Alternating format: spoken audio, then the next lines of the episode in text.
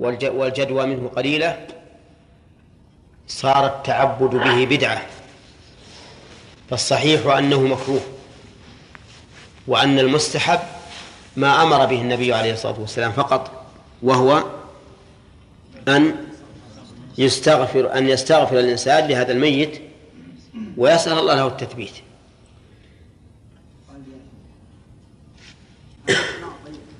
نعم. بناء على هذا يسمعه. بناء على هذا يسمع والميت يسمع قاع نعالهم ثم في الحديث الذي معنا يقول إذا سوي على الميت قبره وانصرف الناس عنه. ها؟ كانوا يستحبون أن يقال للميت. معناه إذا انصرف الناس ما يبقى إلا واحد الذي يلقنه. وهذا معناه معناه أننا أو لازمه أننا نختار إنسانا معينا يبقى بعد انصراف الناس ليلقن هذا الميت. وفيه فتنة. فالمهم أن هذه المسألة مكروهة على القول الراجح لأنها لم تثبت عن رسول الله صلى الله عليه وسلم والجدوى منها قليلة. ثم قال باب النهي عن اتخاذ المساجد والسرج في المقبرة. ها؟ ما مناسبة سياق المؤلف لحديث راشد وضمره وحكيم مع أن الباب باب الدعاء إيه. باب الدعاء الميت بعد دفنه. كان المؤلف رحمه الله رحمه الله لما لم يكن ذلك ثابتا عنده جعل الترجمة فيما كان ثابتا عنده. واستطرد استطرادا. ثم قال باب النهي عن اتخاذ المساجد والسرج في المقبرة. اتخاذ المساجد في المقبرة وإن لم تكن على القبر. والمقبرة اسم لمكان الدفن. المعد لذلك سواء دفن فيه أم لم يدفن. لكن لا بد أن يكون فيه قبور. فإذا قدرنا أن هذه أن هذه أرض واسعة وعدت مقبرة وحوط عليها أم لم يحوط وفيها قبور فإنه لا يحل أن يبنى فيها مسجد. سواء كان هذا المسجد للصلوات غير الجنازة أو لصلاة الجنازة لأنه لغير الصلوات محرم ويخشى منه الفتنة ولصلاة الجنازة لا داعي له.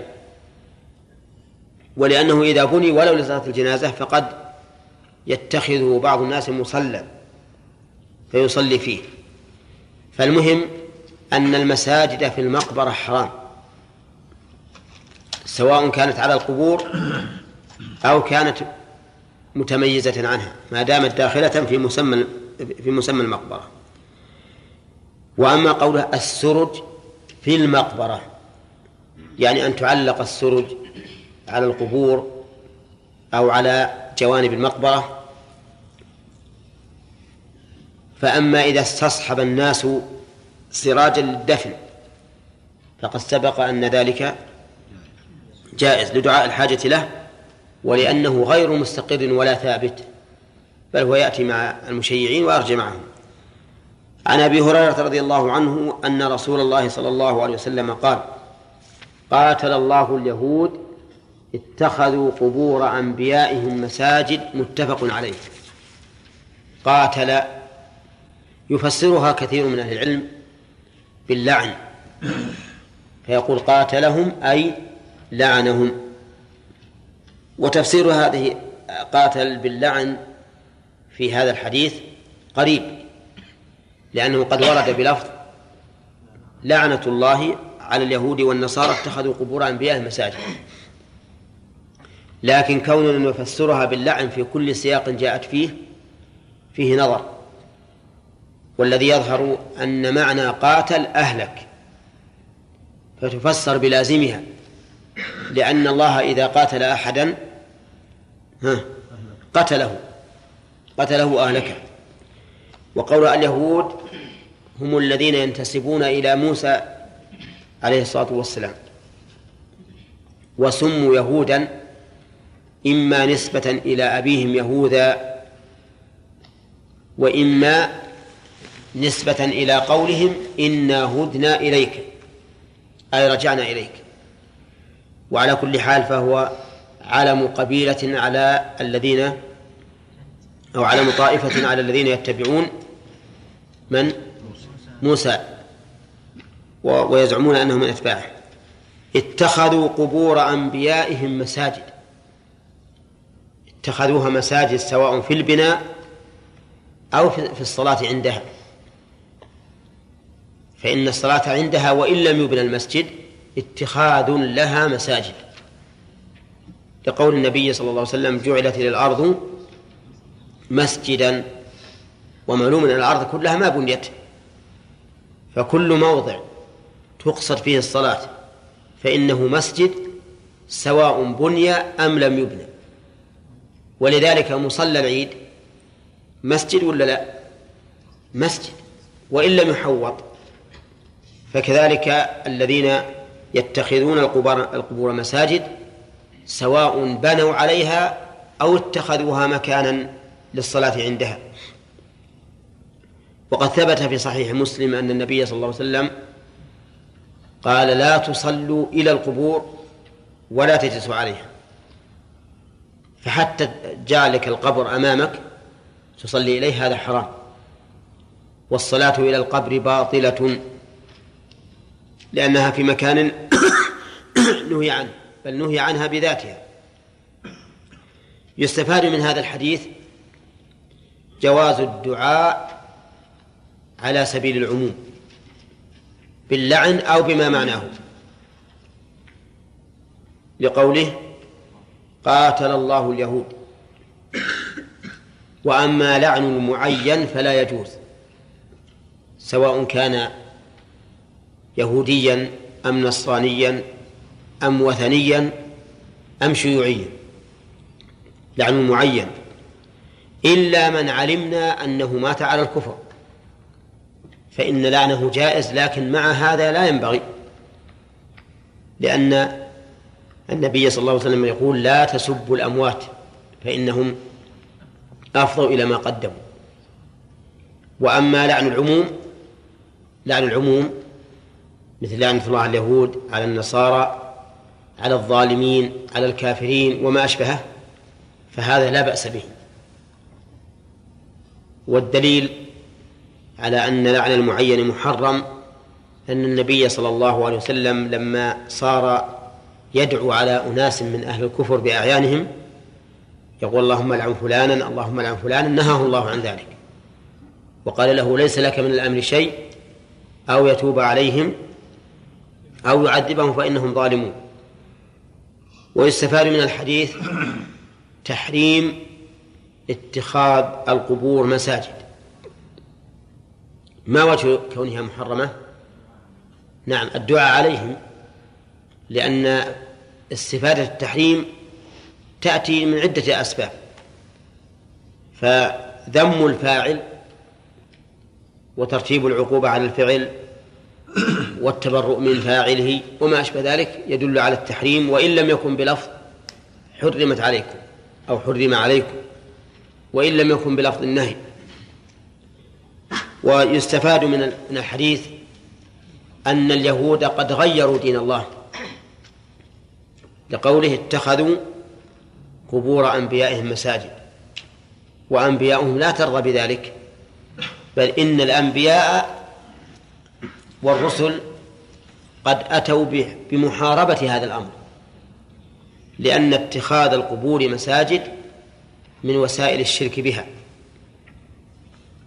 ووسائل الشرك تحاربه الأديان السماوية ويستفاد من الحديث سد الذرائع الموصلة إلى الشرك من أين يؤخذ؟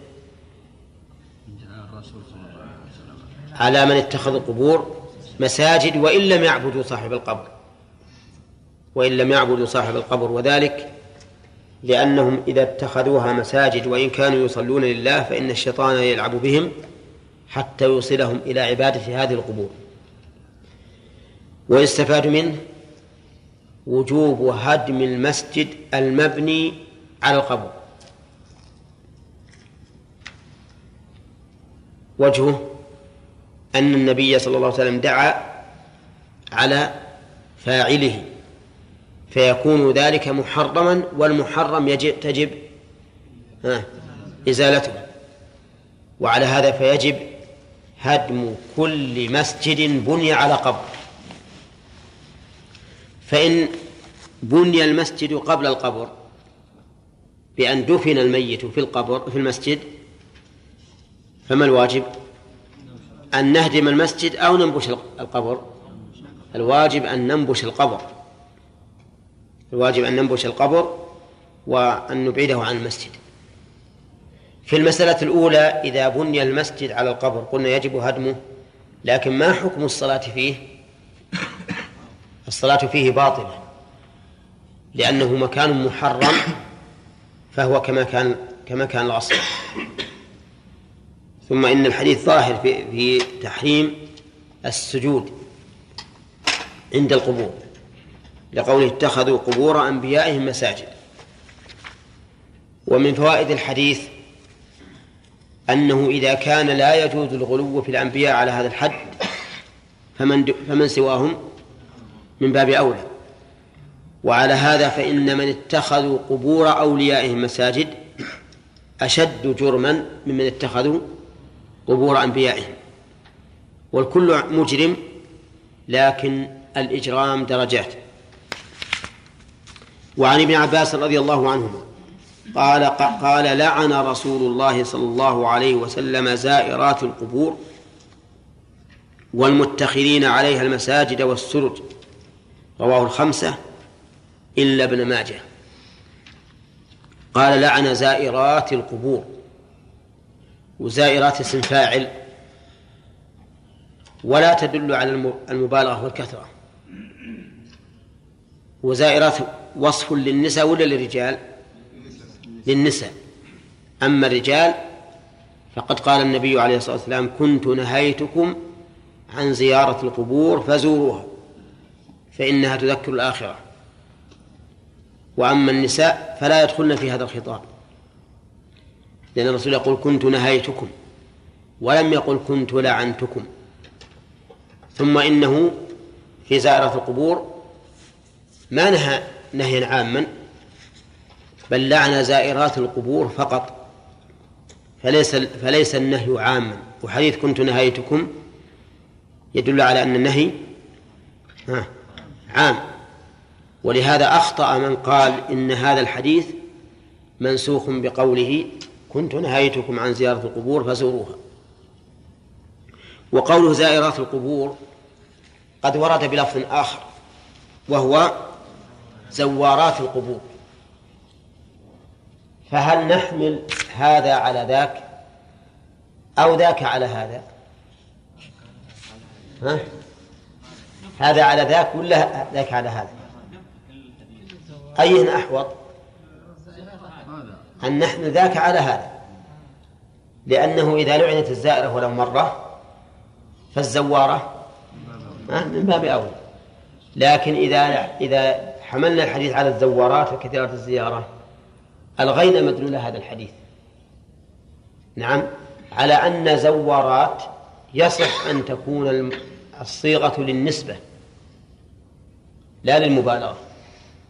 لأن فعال كما يأتي للمبالغة يأتي للنسبة والنسبة تصدق بالفعل مرة.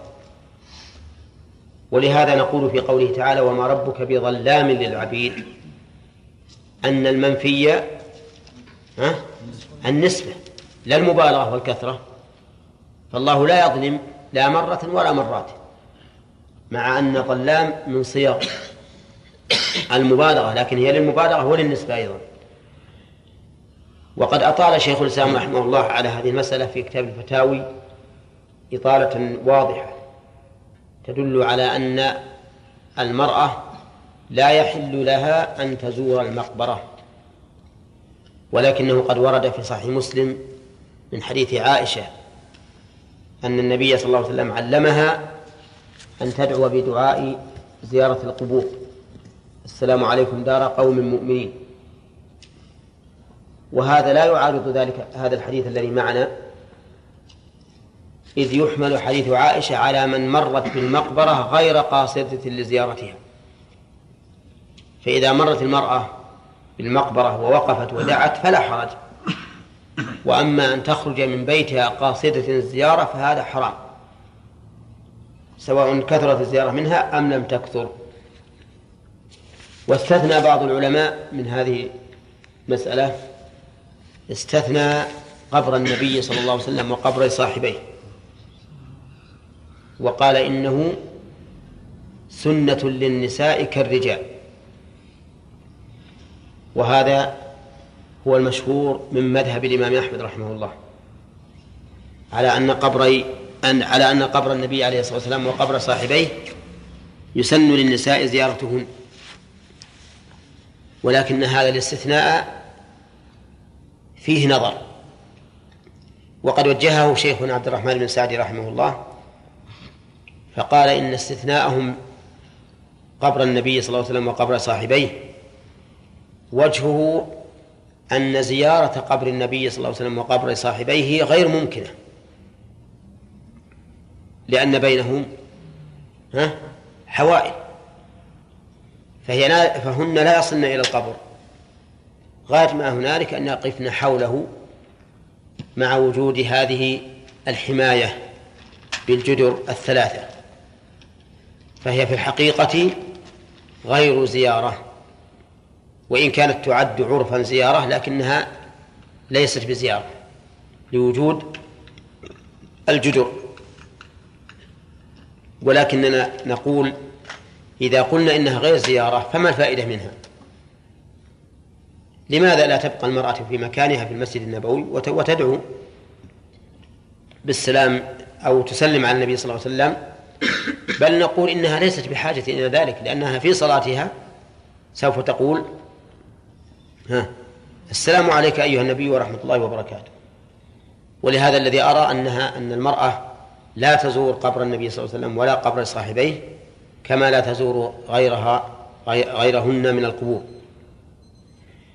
وفي قوله لعن زائرة القبور دليل على أن زيارة المرأة للمقبرة من كبائر الذنوب. وجهه أنه رتب عليه اللعن. وكل ذنب رتب عليه اللعن فهو من كبائر الذنوب. وقولها المتخذين عليها المساجد والسرج. المتخذين عليها المساجد يعني الذين يبنون المساجد عليها أي على القبور. وقد سبق أن الرسول صلى الله عليه وسلم دعا على اليهود بذلك حين اتخذوا قبور أنبيائهم مساجد. وأما قولها السرج يعني الذين يسرجون القبور فيضع السراج على القبر يعلقوه عليه فهذا الذي يفعل فالفاعل لهذا ملعون على لسان النبي صلى الله عليه وسلم. فإن قلت كيف تجتمع هذه الأفعال في حكم واحد وهو اللعن مع تباين ما بينها في العظم؟ فإن المرأة التي تزور القبر ليس جرمها كالذي يبني مسجدا على القبر والذي يضع سراجا على القبر ليس جرمه كالذي يبني إيش؟ مسجدا على القبر. فالجواب أنه أن تفاوت الجرم لا يقتضي التفاوت في العقوبة. إذ قد يكون تفاوت الجرم من باب التخفيف عن الجرم الأعظم حيث جعل مثل الجرم الأسفل في الحكم والعقوبة. وقد يقال إن اللعن تتفق فيه هذه الأعمال الثلاثة في أصله. وتختلف في إيش؟ في عظمه بحسب عظم الجرم. فنحن مثلا نقول هذا حرام وهذا حرام ولكن يختلف التحريم. وهذا فيه عقوبة وهذا فيه عقوبة ولكن تختلف العقوبة. فيكون اللعن الوارد على المتخذين المساجد على القبور أشد وأعظم من اللعن الوارد على من زارت القبر. أو من اتخذ سراجا على القبر. ولهذا بعض العلماء يعني استغرب هذا الحديث. كيف يقول هذه الأفعال المتباينة في الجرم تتفق في حكم واحد وهو اللعن؟ والجواب على ذلك كما قلت من أحد وجهين. إما أن يقول إن نقول إن هذا من باب تخفيف الأشد حتى ينزل إلى إيش؟ إلى الأخف. أو نقول إن اللعن يتفاوت بحسب الجرم وإن اتفق في أصله. قول إلى الموتى تنازع فيها عاملان وهو وصول ومهداة. يعني والمعنى أننا إذا أهدينا إلى الموتى ثواب القربة جاز. وهذا له صيغتان. الصيغة الأولى أن أنوي من أول العبادة أنها لفلان الميت. والصيغة الثانية بعد أن أعملها أقول اللهم اجعل ثوابها لهذا الميت. وظاهر كلام المؤلف في الترجمة أن كلتا الصيغتين جائزة وواصلة إلى الميت فهمتم الفرق بينهما ولا لا؟ إيش الفرق عبد الرحمن؟ أنت تقعد تفوجس تحط هاليد على على هالخد وتقعد تفوجس هم يسألنا قلت والله ما أدري. يعني أنت أنت تفعل أقول إن, إن هدية الثواب إلى الميت ثواب العبادة له صيغتان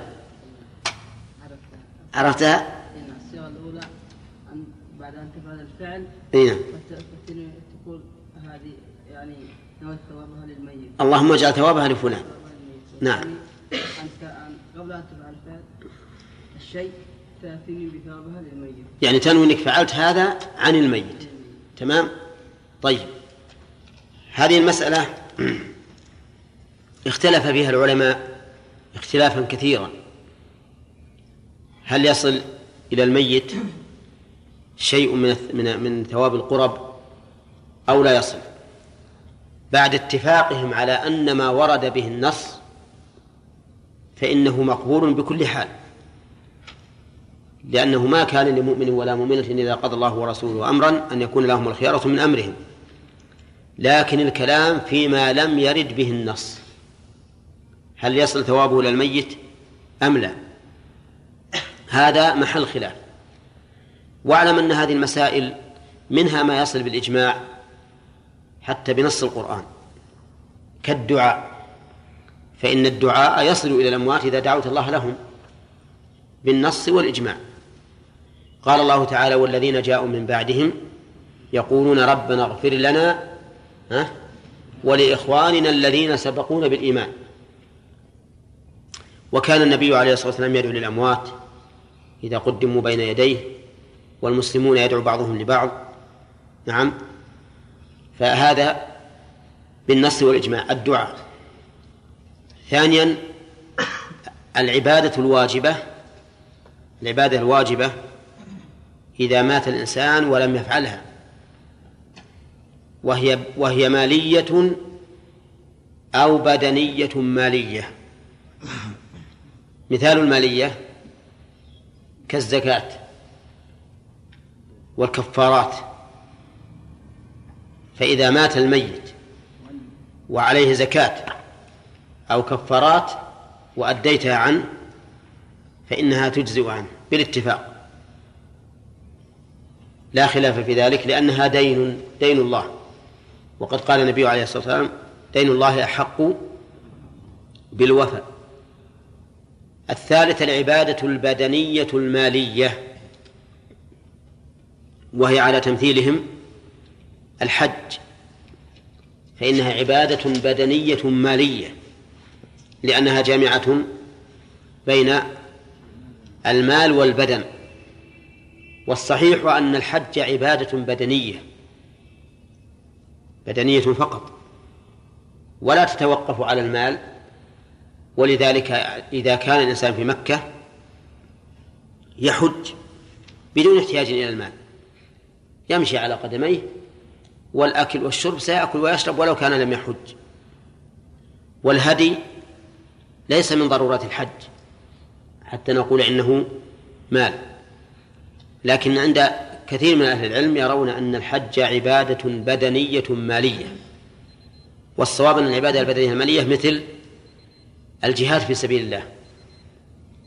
فإنها عبادة بدنية مالية. يعني يجاهد الإنسان بماله ويجاهد ببدنه لكن ما يحج بماله ويحج ببدنه. الرابع العبادة الواجبة البدنية. العبادة الواجبة البدنية وهذه نوعان. نوع جاء النص بالنيابة فيها ونوع لم يأتي النص بها. مثال التي جاء النص بها الصوم. فإن الصوم يصام عن الميت إذا مات سواء النذر أو الواجب بأصل الشرع. وش الدليل؟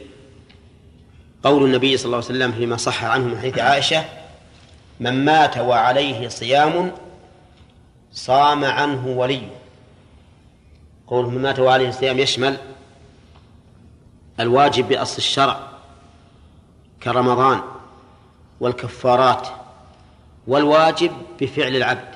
مثل ها؟ مثل النذر. مثل النذر. وقول من قال من أهل العلم إن حديث عائشة محمول على النذر قول ضعيف بلا شك لأنه تخصيص بدون دليل. تخصيص بدون دليل. ولأنه حمل للحديث على المعنى النادر دون المعنى الغالب. والواجب أن تحمل النصوص على المعنى الغالب الكثير لا النادر. انتبه. فأما قول فأما القول بأنه تخصيص للعموم بدون دليل فإنه قد ينازع فيه.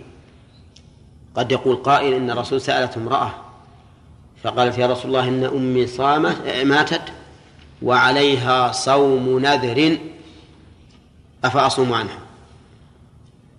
فقال عليها صوم نذر. فيجب أن يحمل حديث عائشة على صوم النذر لأنه هو الذي سئل عنه الرسول عليه الصلاة والسلام. فالجواب على ذلك من وجهين. الوجه الأول أن حديث عائشة لم يبنى على هذا السؤال حتى ندعي أنه مخصص به الوجه الثاني لو قدر أنه مبني على هذا السؤال لكان العبرة بماذا؟ بعموم اللفظ لا بخصوص السبب وكون الرسول يجيب عن فرد من أفراد العموم بحكم يطابق العموم لا يدل على التخصيص وهذه قاعدة نافعة ينبغي لطالب العلم أن يفهمها وهو أن ذكر بعض أفراد العموم بحكم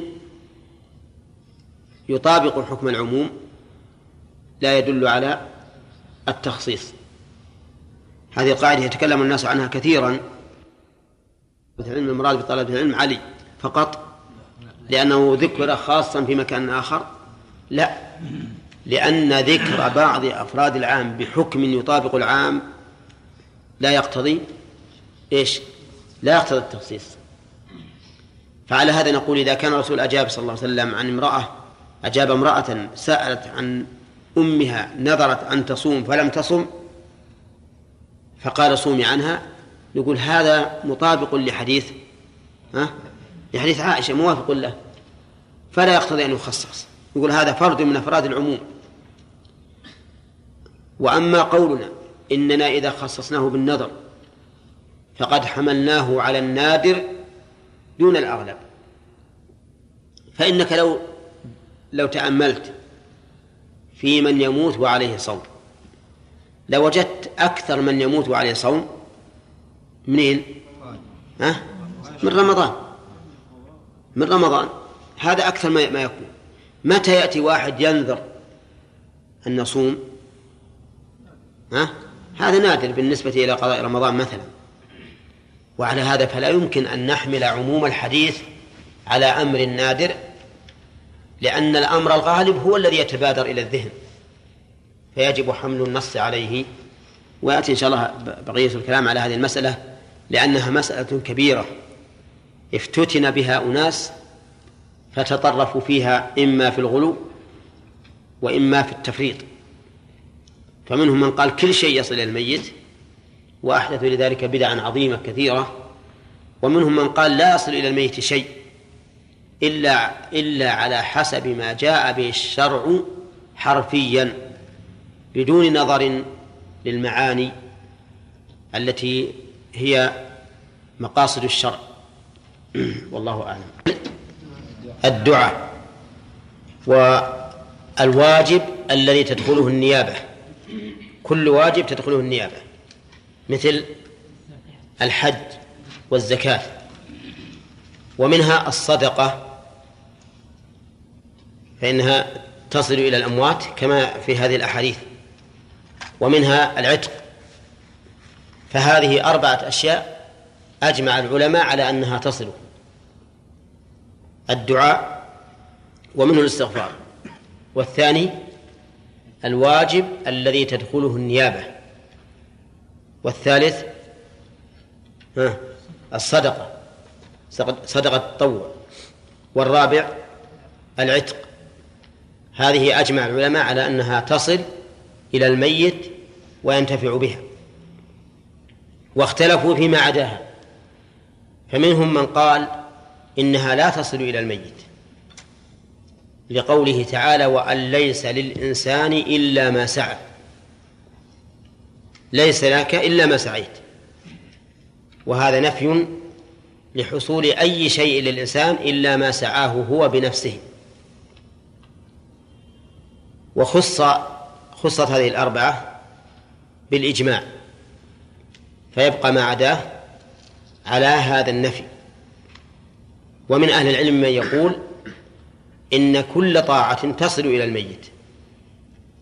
لأنها لأنها عبادة والإنسان له أن يتبرع بعمله وأجره لمن شاء. وأجابوا عن قوله تعالى وأن ليس للإنسان إلا ما سعى أنها مقيدة بسبب النزول. وهي أن بعض بعضهم كان يؤجر إنسانا يجاهد عنه في سبيل الله. فقال وأن ليس للإنسان إلا ما سعى. يعني ليس له إلا ما سعاه بنفسه. وأما ما سعاه غيره فلن يصل إليه. فلا يطمعن الإنسان في عمل غيره.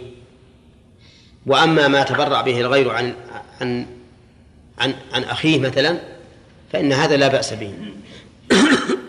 وسيأتي إن شاء الله تعالى بين ذلك أيضا في الأحاديث. وقول المؤلف المهداة إلى الموتى ليس على عمومه بل المراد الموتى من المسلمين الموتى من المسلمين فقط. وأما الميت الكافر فلا ينتفع بذلك بل ولا يجوز إهداء القرب له لأنه كافر وإهداء القرب إليه نوع من الاستهزاء بالله سبحانه وتعالى. وقوله إلى الموتى يشعر بأنه لا يجوز أو لا يصل الثواب إذا أهدى الإنسان القربة إلى الحي. مثل أن يتصدق بصدقة عن فلان وهو حي. وإلى هذا ذهب بعض أهل العلم. وقال إن الحي بإمكانه أن يعمل فليس بحاجة إلى أن يهدى له العمل. ولو أننا فتحنا هذا الباب لحصل بذلك اتكال. وصار الغني مثلا بدل ما يحج يعطي شخصا يحج عنه ويتكل. وبدل من أن يصلي صلاة تطوع نعم يقول الواحد أنا بعطيك دراهم وصلي عني وهكذا. فتنسد العبادات عن الأغنياء. ولكن المشهور من المذهب أن إهداء القرب جائز للموتى وللأحياء. وهي بالنسبة للحي فيها نظر. أما بالنسبة للميت فلعجزه ولكونه محتاجا إلى إلى إلى زيادة العمل الصالح فهو وجيه. قال عن عبد الله بن عمرو بن العاص ابن وائل نعم. ابن عمرو أن العاص ابن وائل. العاص هو جد عبد الله وأبو عمرو.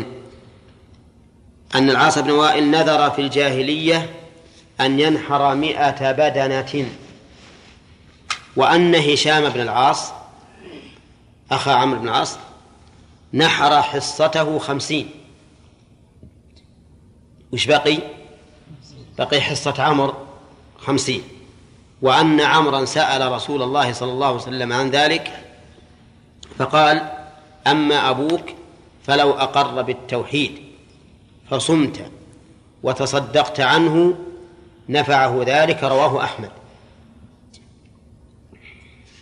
في هذا الحديث دليل على انعقاد النذر من الكافر.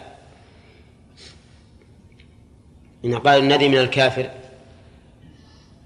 وفيه أيضا أنه لا يوفى عن النذر عن الكافر إذا مات على كفره لماذا؟ لأن ذلك لا ينفعه. وفيه دليل على أن من شرط نفع الأعمال الصالحة أن يكون ها؟ أن يكون مسلما أن سواء كان هو العامل أو كان معمولة له.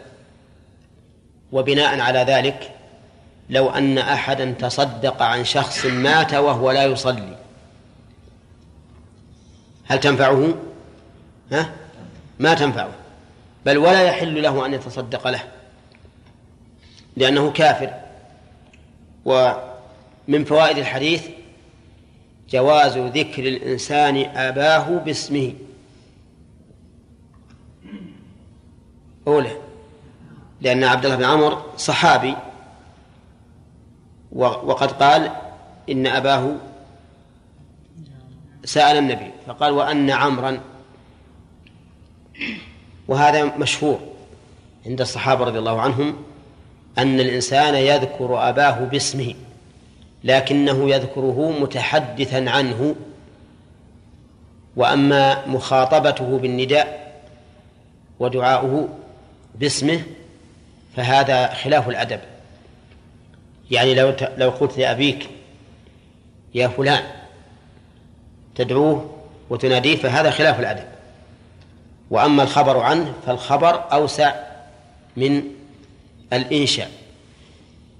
ومن فوائد الحديث أنه يجوز للإنسان أن يهدي القرب إلى الميت المسلم وأنه ينتفع بذلك.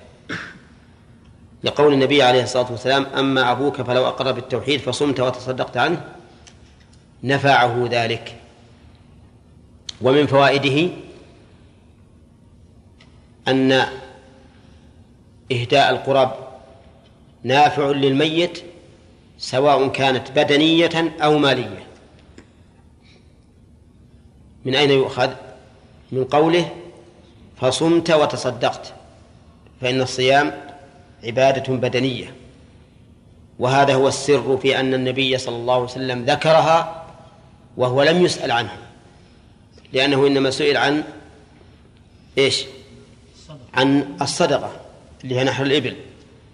لكنه ذكر الصيام ليبين عليه الصلاة والسلام أن القرب سواء كانت بدنية أم مالية تنفع الميت إذا فعلها الإنسان عنه.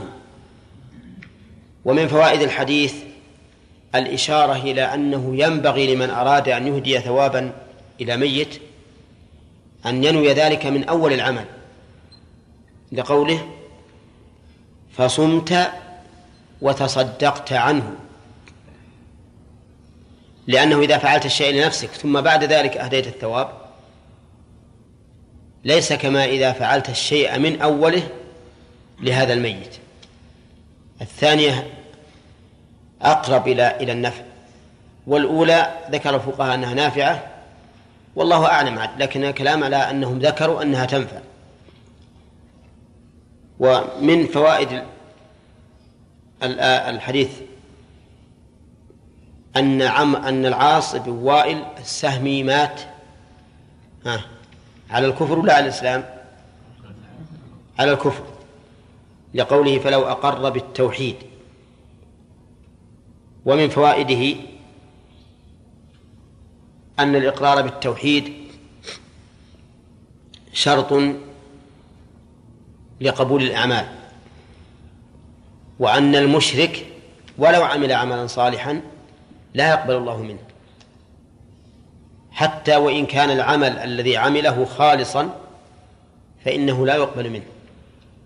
فلو فرضنا أن رجلا يدعو الأموات يأتي إلى هذا القبر فيدعوه ويذهب إلى المسجد فيصلي لله تعالى صلاة خالصة هل تقبل منه؟ ها؟ ما تقبل لأنه مشرك وعن أبي هريرة رضي الله عنه نعم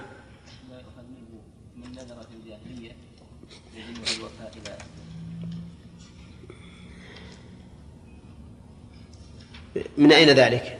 النبي صلى الله عليه وسلم تكلم عن الوفاء اي نعم إيه نعم هو تكلم عن الوفاء لكن ما هو بين في الوجوب لا لو كان موحدا نعم.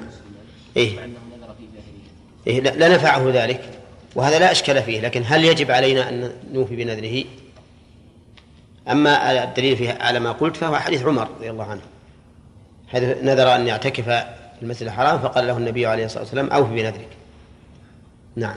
مثل العمل عن الحي ما يؤخذ من مبايعة الرسول صلى الله عليه وسلم عن عثمان إيش؟ مبايعة الرسول. يريدها عن عثمان وش تقولون في هذا؟ مبايعة الرسول عن عثمان؟ لأنه أشيع ها؟ لأنه أشيع أنه مات. لا ولأنه أيضا أرسله في حاجته. في حاجة المسلمين. نعم. فكان الرسول عليه الصلاة والسلام ناب عنه لأنه هو نائب عن رسول الله صلى الله عليه وسلم. والبيعة معناها التزام وعهد. وإن كانت لا شك أن البيعة هذه إنها من أفضل الأعمال. ولهذا قال الله تعالى لقد رضي الله عن المؤمنين إذ يبايعونك تحت الشجرة. ولا تح- تحتاج إلى تأمل. لأنه كان في عداد الموتى في تلك اللحظة. إيه. إيه. لأن عثمان كان في عداد الموتى لأنه وصل خبر أنه أنه مات؟ أنه قتل نعم. فكان في في تلك اللحظة يعتبر في عداد الموت. هذه ما علل الرسول انه بيموت نعم. مثل هذه يمكن الرسول ما قال انه بيموت يبايع. أنه مات. با... لا هو الظاهر أنه بايع لأنه لأنه أرسله في حاجته فكان يبايع عنه الإهداء للميت المسلم الصيام الإطلاق بالتطوع ولا الإيفاء بالوجوب؟ في التطوع تطوع هو واجب. أما في الفريضة فإنه واجب كما مر علينا أمس. من مات وعليه صيام صام عنه وليه واجب إما أن يصوم عنه وليه وإما أن يطعم إذا كان لا, لا يريد الصوم لأنه لأن لو قلنا بوجوب صوم الولي ثم لم يصم لأثم بذلك وهذا معارض لقوله تعالى ولا تزر وازرة وزر أخرى. نعم يعتبر هذا الحديث عام بالنسبة للاحتجاج به على ترك الصلاة ها؟ يعتبر هذا الحديث من الحديث العامة بالنسبة للاحتجاج به على ترك الصلاة يعني أنه لا يترك اي لأن لأن نقول لو أقر بالتوحيد يفهم يفهم منها أن المانع من نفعه بذلك من انتفاعه بذلك هو الكفر. فكل كافر فإنه لا ينتفع بما عمل له. ولا يجوز أيضا ان أن يعمل له عمل صالح ولا أن يستغفر له ولا أن يدعى له بالرحمة. طيب فيه نعم يقول إذا مات الإنسان وما يصلي إذا ترك الصلاة أي نعم. إذا كان متاولا لأن بعض الناس في مرض الموت إذا اشتد به المرض يترك الصلاة يقول لأني ما أستطيع أن أتي بها على الوجه الأكمل. فإذا عافاني الله تعالى أتيت بها. ويكون جاهلا. هذا ما يكفر. لا يكفر لا. طيب. ها؟ نعم. في بعض الناس إذا مات أبيه أو ما يقرب له يعتقد قضاء الصلاة. هل تقضى؟ ما تقضى عنه. الصلاة ما ورد أنها تقضى. في شيء عنها صدقة أو شيء مثلا؟ ولا صدقة أيضا. لاننا ما يمكن نشرع شيئا لم يشرعه الله ورسوله. ولكن إن دعا له عن- إن دعا له دعاء أن الله يغفر له ويتجاوز عنه فهذا طيب. ها؟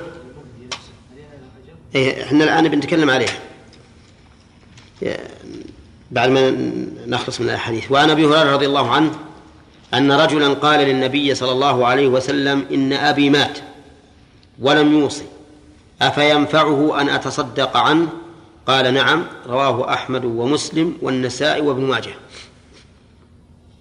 في هذا الحديث يقول إن أبا إن أباه مات ولم يوصي لأن الوصية مستحبة أن يوصي الإنسان لكن لا بشيء كثير. بل بشيء قليل بشرط أن يكون الورثة غير محتاجين.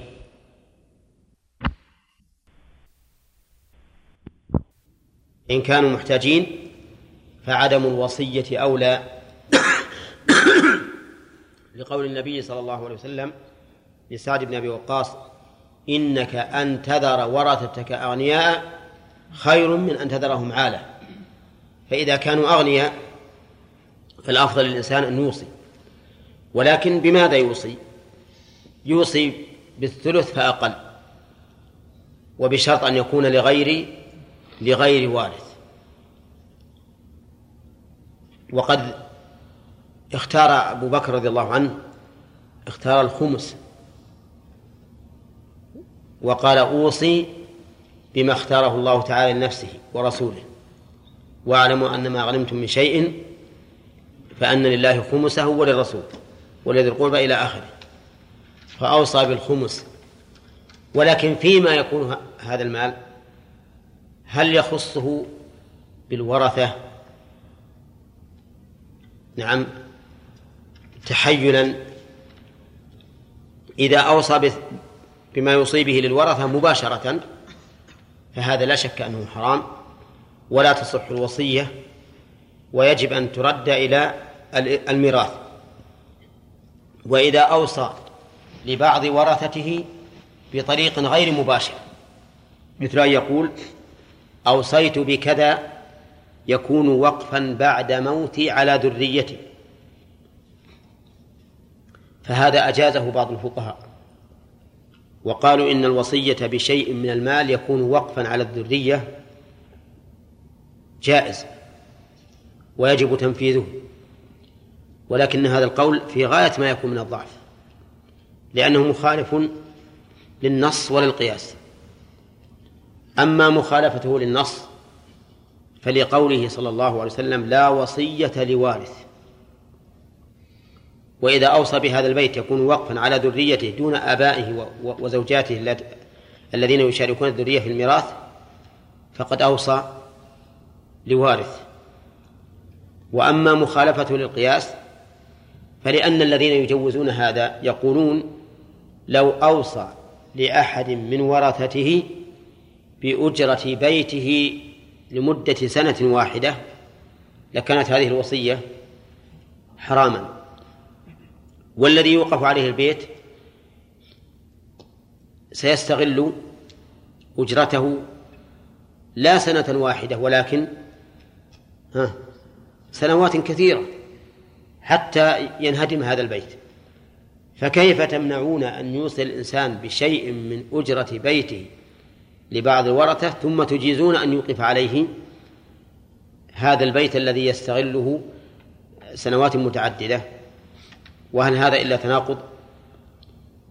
ولهذا القول الراجح في هذه المسألة أنه لا يجوز لأحد أن يوقف شيئا من ماله بعد موته على أحد من ورثته.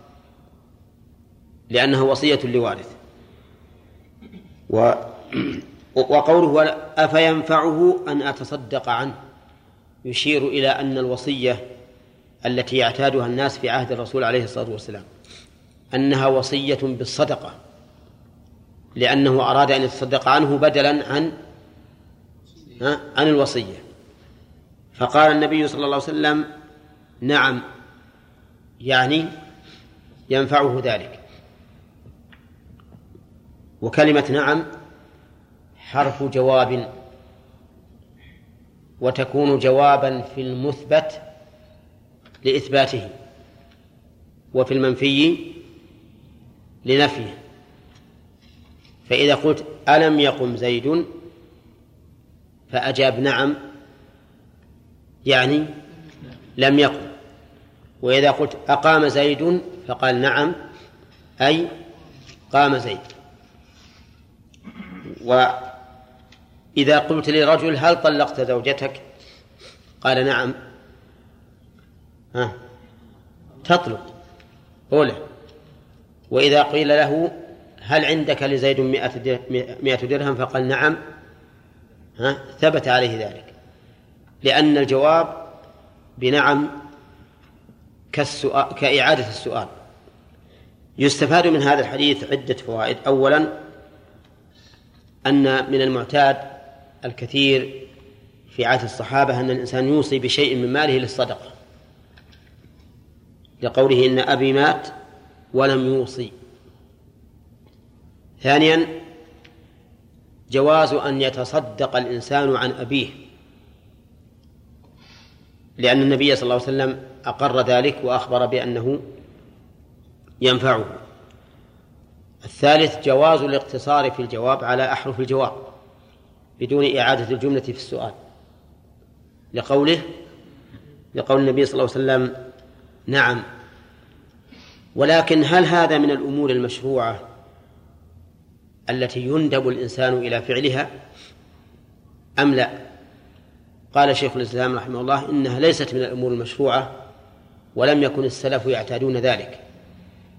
بل الدعاء أفضل من الصدقة ومن غيرها من الأعمال يعني أفضل من إهداء الأعمال وذلك لأن الدعاء مأمور به ومرشد إليه في قول الرسول عليه الصلاة والسلام إذا مات الإنسان انقطع عمله إلا من ثلاثة إلا من صدقة جارية أو علم ينتفع به أو ولد صالح يدعو له ولم يشر إلى الصدقة لكنها هي من الأمور الجائزة فلا نقول لمن فعلها إنك مبتدع ولا نقول إن هذا ليس بمشروع بل نقول إن هذا جائز.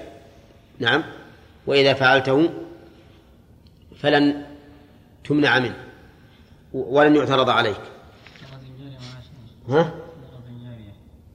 صدقة الجارية يعني المال الذي يدوم نفعه. كالماء. مثلا الابن اوقف على على الاب مثلا لا لا صدقة جارية من عمل الإنسان نفسه. الميت مثل أوقف هذا الماء في حياته واستمر أو أوقف هذا البيت مدرسة واستمر.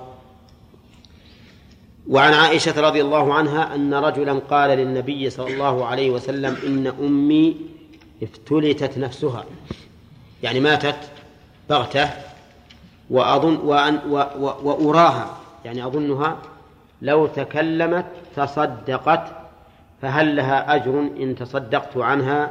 قال نعم متفق عليه. الأول أب والثاني أم. ومعناهما متقارب. يقول ابتلتت نفسها وأظنها لو وأراها لو تكلمت تصدقت. يعني أمرت بأن يتصدق عنها. أو تصدقت إن أمكنها ذلك. فهل لها أجر يعني ثواب في الآخرة إن تصدقت عنها قال نعم. يعني لها أجر. نستفيد من هذا الحديث آه، ما استفدناه فيما سبق. من أن العادة الغالبة في الصحابة أنهم إيش؟ يوصون بشيء. لأن هذه المرأة لولا أنها ماتت بغتة لتصدقت. ومنها جواز العمل بالظن. لقوله ها؟ أراها لو تكلمت تصدقت. ومنها جواز الصدقة عن الميت. لقول النبي عليه الصلاة والسلام لما سأله إن تصدق عنها له لها أجر قال نعم. ومنها أن الميت ينتفع بالصدقة عنه. لقوله حين سأله هل له أجر؟ قال نعم. و ومنها أن البر يكون بعد الموت. ولا تحتاج إلى مناقشة؟ ها؟ نعم. إي لكن البر قبل الموت لا شك فيه. لكن البر بعد الموت هل يكون؟ نعم. لأنه إذا كان لها أجر وتنتفع بذلك فإن نفع الوالدين بر. فإذا كان ذلك بعد الموت فإذا من بر الوالدين بعد الموت أن نتصدق عنهما. ولكن الشأن هل هذا أفضل أم الدعاء؟ نقول الأفضل ما أرشد إليه الرسول عليه الصلاة والسلام وهو الدعاء. وأما الصدقة فهو من باب الأمور الجائزة. طيب هل نستفيد من الحديثين أن الميت لا ينتفع إلا بالقرب المالية؟ أو نقول إن هذه قضايا أعيان سئل عنها فأجاب. نعم. هذا هذا هو هذا الثاني هو هو الأصح. والدليل على ذلك حديث عبد الله بن عمرو بن العاص السابق أنه أن القرب ولو كانت بدنية تنفع الميت. وأما هذه فهي قضايا أعيان سئل عنه الرسول صلى الله عليه وسلم. فلو أنه سئل عن غير هذه عن غير الصدقة هل يقول لا؟ لا تنفعه؟ وش جوابكم لو سئل الرسول صلى الله عليه وسلم عن عن غير الصدقة هل يقول لا تنفع؟ الجواب ما نعلم. ما نعلم بل إن ظاهر ظاهر الحال يقتضي أن يقول نعم والجامع بين بين الصدقة وبين غيرها من الأعمال الصالحة أنها كلها عمل صالح ينتفع به العامل. فإذا أهداه لأحد فإنه لا يمنع. طيب هل نقول إن هذه هذه الأحاديث الثلاثة خاصة بما إذا كان الفاعل ولدا للموهوب له أو للمهدى إليه. نعم. نقول لا شك أن الأحاديث هذه إنما وردت في الولد ولكن هي أيضا قضايا أعيان. فلو أن أحدا من من غير من غير الوالد فعل ذلك فما الذي يمنع؟ ليس عندنا نص عام يقول إنه لا ينفع أحدا ما عمله غيره. حتى نقول إننا نخصص ما ورد بالصورة الواردة فقط.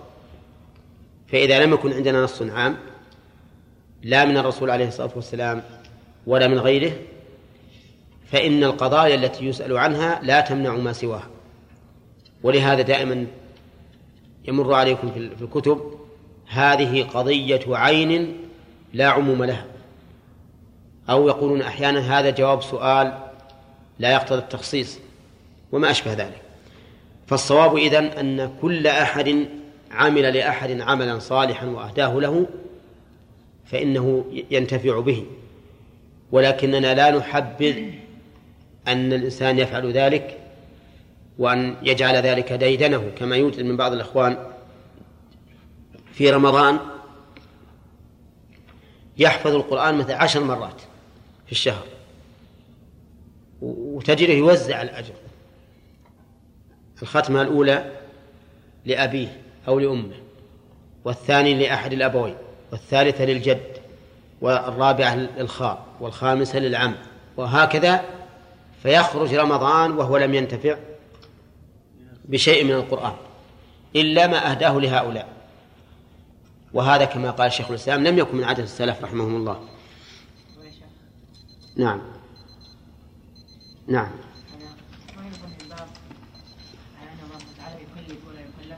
كيف؟ نعم. ولا يكلف؟ لا ما كلفنا الله. اي ما في ما في مانع. أو ما في مانع أنك تسأل الله تعالى أن يوصل ثواب هذا الشيء إلى فلان. هذا دعاء. حتى الداعي إذا دعوت الله بشيء ما نقول إن هذا تكليف لله سبحانه وتعالى بأن يعطيك هذا الشيء. لأنه إن شاء فعل وإن شاء لم يفعل.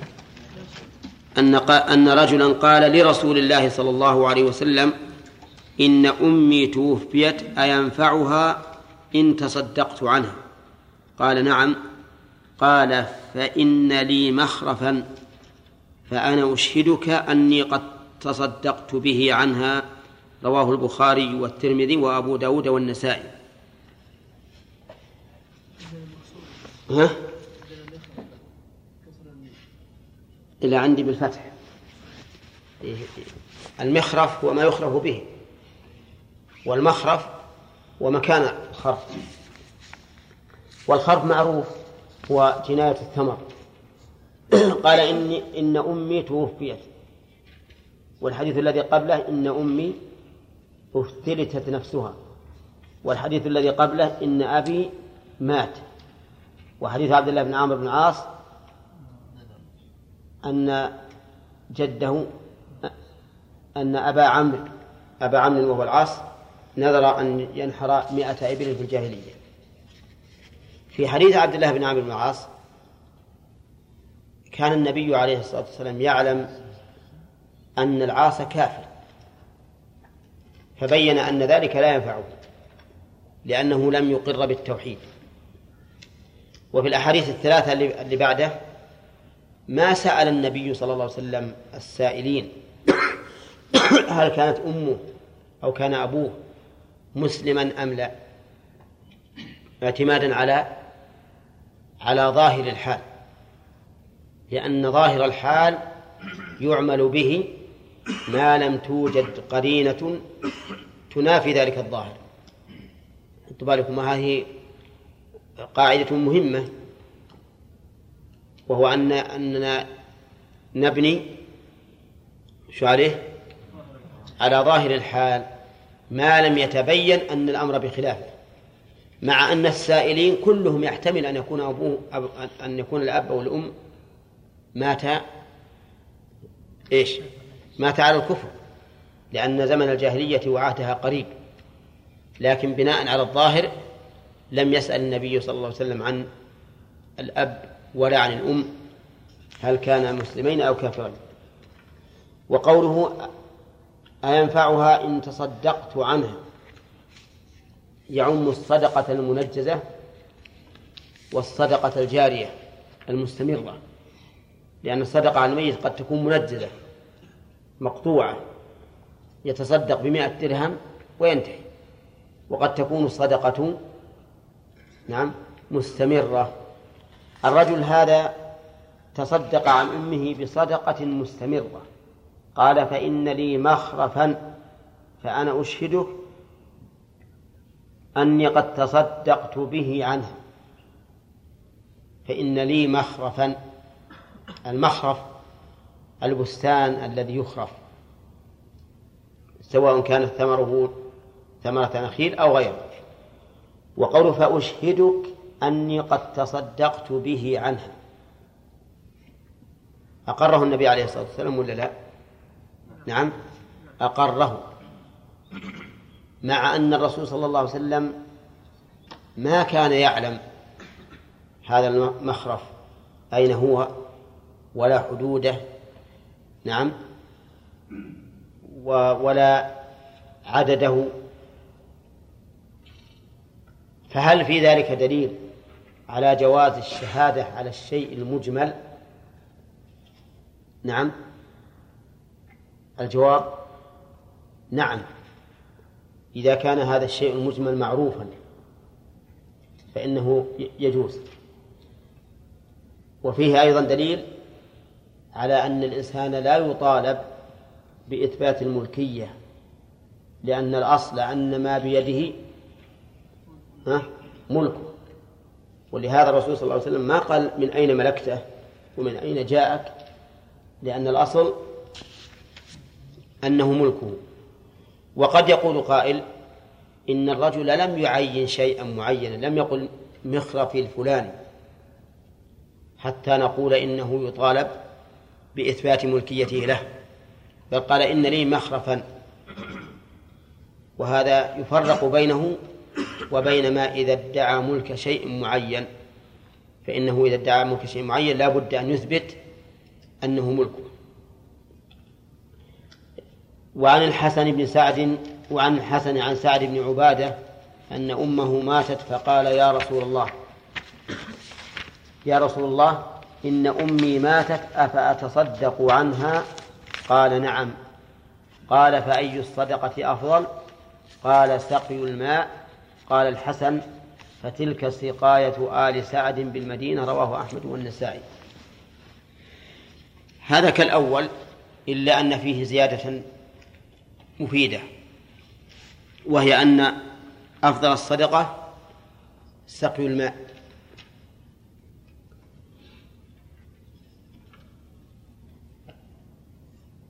ولكن هل هذا على عمومه وإطلاقه؟ الجواب لا بل يختلف باختلاف الأحوال.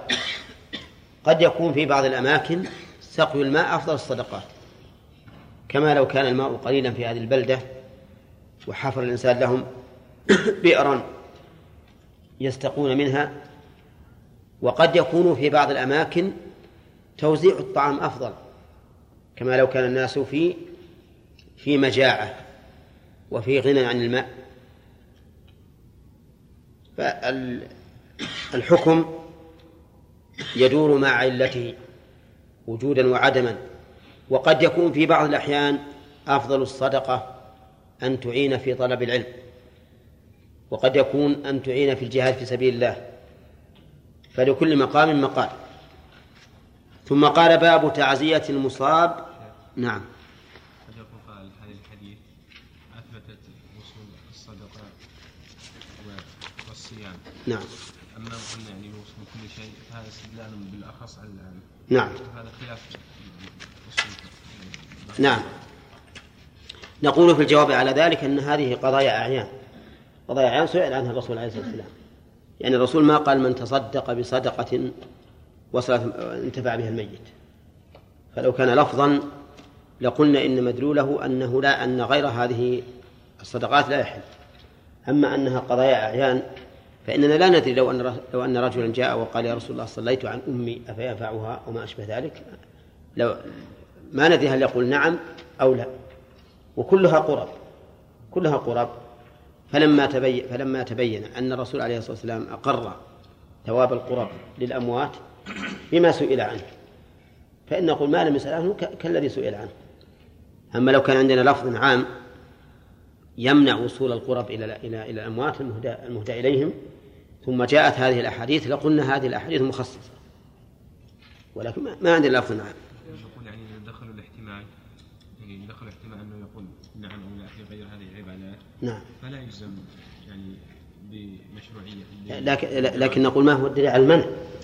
بالعلم أن يعني نفس هذه العلة وجدت في عند الصحابة. وش؟ علة يعني الصلاة أو إحدى ما ما ما وجدت ما ما أحد منهم صلى وسألوا وقيل له ما يصلح. ما وجدت نعم.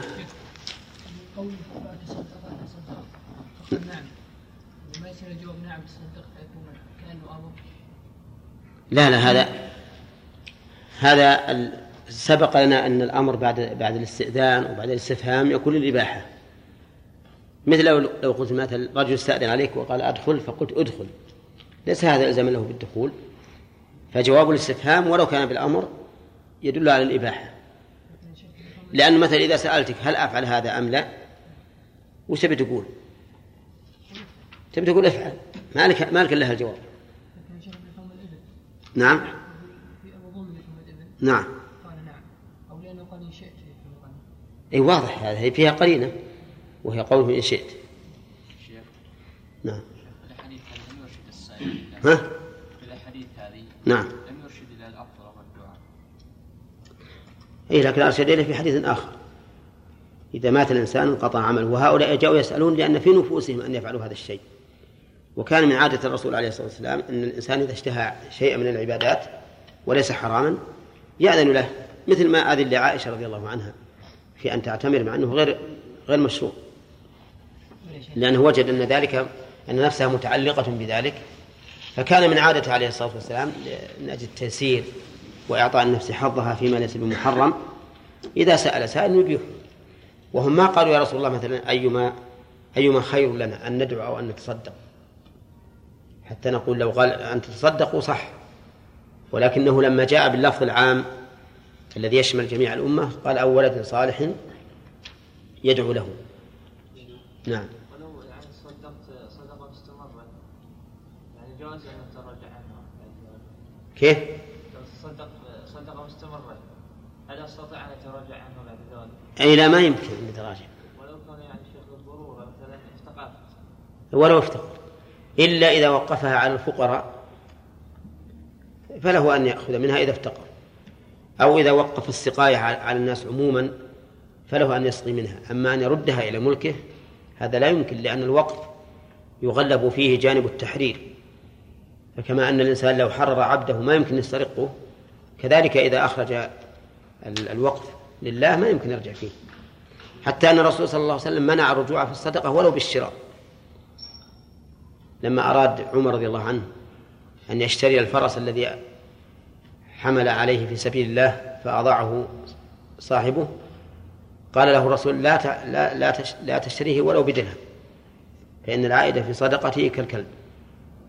نعم طيب الحديث هذه ما تعتبر الصدقة فيما ما يتصدق فيه معلوم.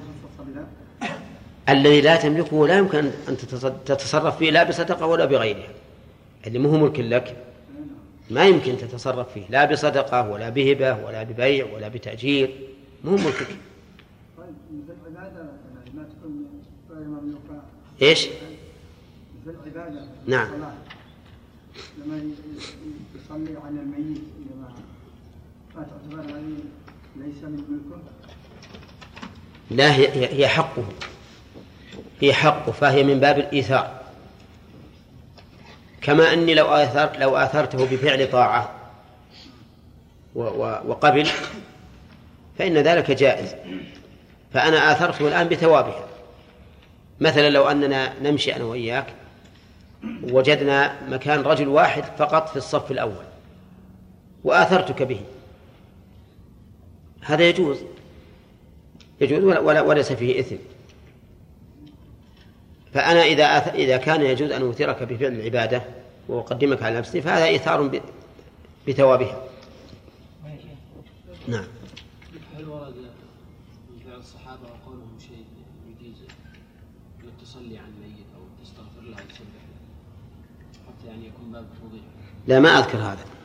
ما أذكر. لكن ورد عن عن الأئمة الإمام أحمد قال أي قربة نفعها فعلها وجعل ثوابها لم- لمسلم نفعه. والله ما أذكر ما تتبعت هذا لأني لأني مقتنع بأن هذا جائز ولا تتبعت هذا حتى أني أشوف هل فيه أحد يعني أثبت هذا الأمر أم لا لأني أعلم أن الشارع إذا أذن في إهداء ثواب عبادة فمعنى ذلك أن إهداء الثواب من حيث الجملة ليس ليس بممنوع وكون نقول هذه عبادة مالية وتلك عبادة بدنية الكلام على الثواب. فما دام الشارع أجاز لنا أن نهدي الثواب في العبادات. المالية فما الذي يمنع من العبادات المالية؟ إلا لو كان عندنا لفظ عام يدل على المنع. فحينئذ يقول هذه القضايا تس- تستثنى منه. ويجب الاقتصار على ما ما استثني فقط. لكن ما ما دام ما عندنا لفظ عام وأن الشارع أذن في هذا الجنس وهو جنس إهداء العبادات فالذي يفرق بين العبادة البدنية والمالية هو الذي عليه الدليل. وإلا فإن جنس العبادات قد ثبت عن الشارع جواز إهدائه فنقول أي أي فرق؟ هات الدليل- ثم إننا نقول في حديث عبد الله بن عمر الرسول قال فصمت له. والصيام عبادة بدنية. عبادة بدنية محضة ما في حتى ولا الفعل أيضا. ما هي إلا كف النفس عن المفطرات من طلوع الفجر إلى الغروب. نقتصر على ما ورد. فمن أجل أنه ليس عندي في هذا شك بالجواز لكنني أقول إن هذا أمر ليس من المطلوب الذي ينبغي للإنسان فعله كما تكالب عليه الناس الآن في عهدنا وفيما وفيما سبق أيضا. تجد الإنسان مثلا يوقف لأبيه وأمه في أضحية وغيرها ولا ولا يخص نفسه بشيء. تجد بعض الناس وأنا منهم لما كنت صغيرا نحفظ القرآن في رمضان عدة مرات. وهذه للأب وهذه للجد وهذه للعم وهذه للخال. ونحن نخرج صفر اليدين. نعم. هذا هو اللي م... هذا مو مشروع مثل ما قال شيخ الإسلام ابن تيمية ولهذا ليس من عادة السلف في الإكثار من هذا الشيء. ف- فمسألة الجواز شيء ومسألة الندبية أن نقول افعل شيء آخر. وبقي بحث في الموضوع هل يجوز هل من المشروع أو من الجائز أن نهدي ثواب ذلك إلى رسول الله صلى الله عليه وسلم؟ نعم؟ الجواب ليس ليس بمشروع وفي الجواز نظر. وذلك لأن الرسول عليه الصلاة والسلام مستغن عن ثوابك أو عن إهداء ثوابك بدلالته على الخير. فإن الدال على الخير كفاعله. فلا يبقى من إهدائك هذه القربة إلى الرسول صلى الله عليه وسلم إلا حرمان نفسك منها وإلا فإن أي عمل من تسبيح أو تهليل أو تكبير أو تحميد أو صلاة أو صدقة أو صيام أو حج أو جهاد أي عمل خير تفعله فإن لرسول الله صلى الله عليه وسلم مثله. ولهذا يقول شيخ الإسلام إن هذا إن أول من فعله رجل الله مهدي في القرن الثالث أو في الرابع وإلا هذا ما كان معروفا. أن يهدى إلى الرسول عليه الصلاة والسلام ثواب القرب لأنه مستغنى عن ذلك بأجره بدلالة بالدلالة على الخير. نعم. بعض البلدان يعني فتح لهم هذا الباب. نعم. فانتشرت البدع يعني لا سيما مثلا في الشام يعني أول ما يتوفى أبوه يجيب له واحد يقرا عن عن أبوه يختم له أي نعم. ويعطيه نقود وكذا. فاصبح أصبح الذريعة أحيانا إلى شرك قد يكون أكبر. والله على كل حال إحنا نقول كل مباح حتى إذا كل مباح إذا صار وسيلة إلى محرم يمنع. حتى الأشياء التي قد تكون من المطلوبة إذا كانت تؤدي إلى مفسدة منعت. لو لو لو لو ثبت مشروعيتها. ونحن نقول الذين يؤجرون من يقرأ لهم ليس له ليس للقارئ ثواب. وحين وحينئذ لا يصل إلى الميت شيء. وما هو إلا إضاعة للمال. وإضاعة للوقت أيضا. ف... وكل شيء أيضا. هذه القاعدة العامة في الشريعة أن كل شيء ترتب عليه مفسدة فإنه يمنع من باب سد الذرائع ولا تسبوا الذين يدعون من دون الله فيسبوا الله عدوا بغير علم. شيخ إذا قلنا العلة أن الرسول صلى الله عليه وسلم دال على الخير قد يندرج على هذه القاعدة كثير مثل اللي علمك مثل أبوك سبب تعليمك. كثير يعني. إيه. الخير. إيه لكن بس هل أنه ثبت له الأجر؟ أنت ما تدري لأن الرسول نعلم علم اليقين أنه ثبت له الأجر بالدلالة. لكن أبوك أو معلمك ما تدري هل ثبت له أجر الدلالة أم لا. قد يكون في في عمله مانع من موانع الثواب. هو مؤكد بي- بينال الثواب. قد يكون أنه علمك مو هو لأس- لتدين تعبدا لله عز وجل. لأسباب غير التع- التعبد. فلا ينال الأجر. لكن الرسول صلى الله عليه وسلم نعلم أنه قد انتفى في حق هذا الأمر.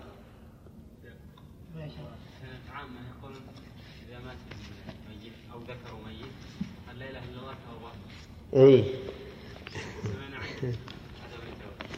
اي نعم. هذه هذه أنا أرى أنها بدعة لأنها ما ما وردت بهذه الصفة.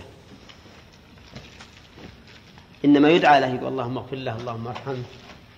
ومن البدع عند العامة أيضا أنه إذا قدم الطعام وكان الميت يختاره في حياته يحبه. لو عشاهم هم. نعم.